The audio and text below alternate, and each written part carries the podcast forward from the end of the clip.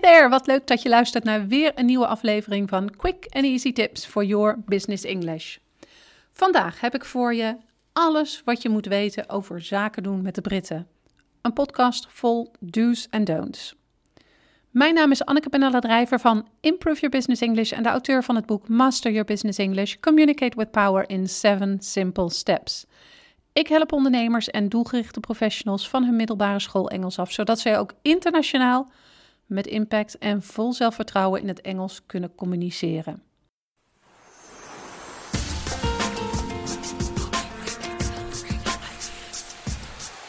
In deze podcast zul je een aantal tips krijgen voor het communiceren met de Britten. Nu zul je waarschijnlijk denken: uh, tips voor communicatie met de Britten. Ik ben hier wereldvreemd. Ik heb eerder Britten gezien. Ik heb met ze gesproken. Ik weet hoe het werkt.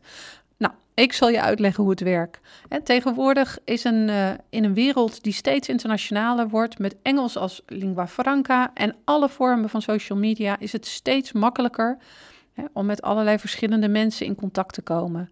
We moeten alleen niet vergeten dat, hoewel er inmiddels veel overeenkomsten te vinden zijn, we nog steeds te maken hebben met verschillende culturen. Alleen het spreken van de juiste taal is niet altijd genoeg voor een goede communicatie. Het kan daarom heel waardevol zijn om je van tevoren te verdiepen in de cultuur van de persoon waar je zaken mee gaat doen. En elke cultuur is gewend aan eigen handelingen, aan eigen manieren om iets uit te spreken, op te lossen en over te brengen. Daarom is het, als je echt succesvol wil zaken doen met personen uit het buitenland, van belang dat je ook, je ook te verdiepen in normen, waarden en gewoonten uit die cultuur. En vandaag gaat dat over de cultuur van onze vrienden overseas, de Britten. En natuurlijk zijn niet alle Britten hetzelfde, maar er zijn wel een aantal algemene etikettenregels waarmee je rekening kunt houden. Allereerst zijn Britten een stuk behoudender dan Nederlanders en vooral in eerste instantie. Een Brit laat niet zo snel het achterste van zijn tong zien. Als een contract eenmaal gesloten is, zal hij wel open en direct in de omgang zijn, maar verwacht dit niet vanaf het begin. Trouwens, hè, alles wat ik over hij en hem zeg, geldt natuurlijk ook voor zij, haar. Ik hou het op hij, anders wordt het wel heel langdradig. Persoonlijk contact speelt een belangrijke rol bij het zaken doen met een Brit. En soms zul je dus net iets meer je best moeten doen dan een simpel zakelijk gesprek te houden van een paar minuten. Privé en zakelijk zijn echter vaak wel strikt gescheiden. Ik heb een paar praktische punten voor je opgesteld die vertellen wat je beter wel en niet kunt doen in contact met de Britten. Ga je op zakenreis naar Engeland of ontvang je Britten in Nederland? Hou dan rekening met de volgende punten. Het eerste punt: ga tegen je gevoel in. Ga tegen je gevoel in, alleen als het gaat om beleefdheid gelukkig. Over het algemeen kan gezegd worden dat de meeste Britten erg beleefd zijn, maar ook veel gereserveerder en terughoudender dan wij. Houd hier in een gesprek rekening mee. Dit doe je bijvoorbeeld door voor je gevoel overdreven vaak please, thank you, sorry en excuse me te gebruiken.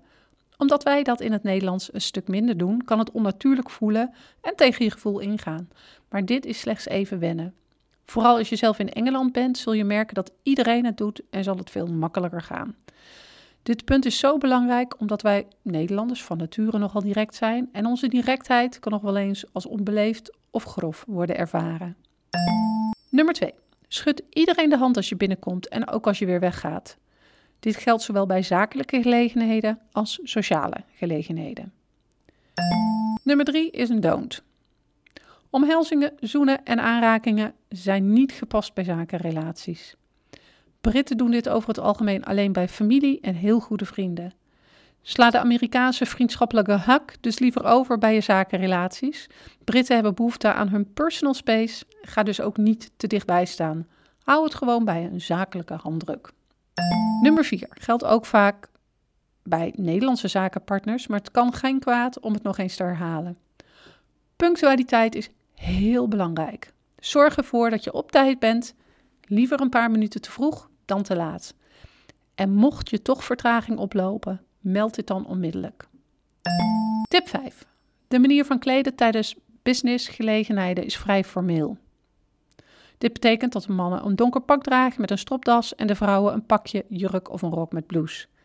En nog een extra tip voor de ladies: draag niet te veel sieraden. Less is more.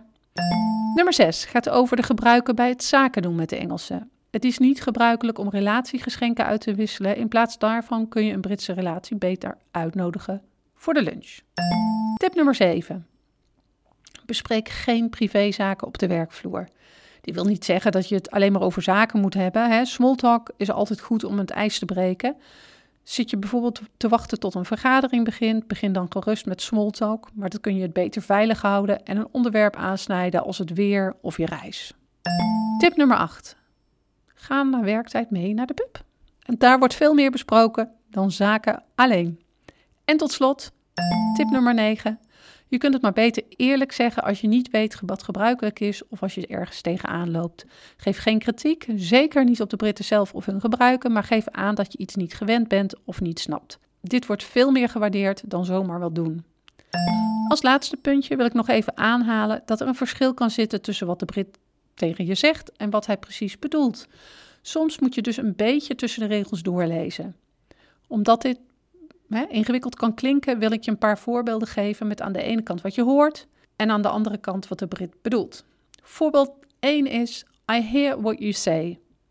Dit is niet slechts om aan te geven dat ze je snappen. Als je deze soort zin hoort, kun je maar beter snel van onderwerp switchen. Wat ze hiermee bedoelen is namelijk: I disagree with you and I do not wish to discuss it any further. Goed om te weten. Het tweede voorbeeld lijkt er wel een beetje op en is de zin with the greatest respect.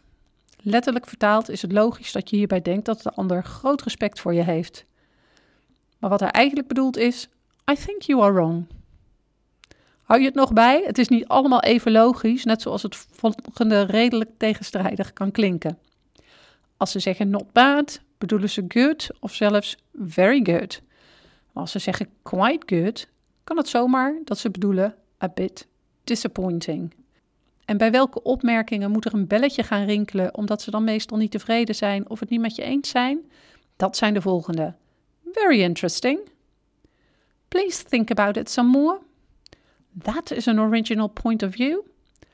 Goed, het is wel duidelijk dat alles niet zo makkelijk is als het lijkt. De belangrijkste boodschap van deze podcast: volg de praktische punten op als je gaat zaken doen met de Britten. Blijf gefocust tijdens het gesprek en houd in je achterhoofd dat de Britten niet alles letterlijk bedoelen zoals ze het zeggen.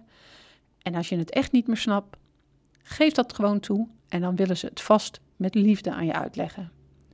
Succes! In de volgende podcast bespreken we weer een nieuw en direct toe te passen onderwerp voor je. Vergeet je dus vooral niet te abonneren op deze podcast. See you next time met quick and easy tips for your business English.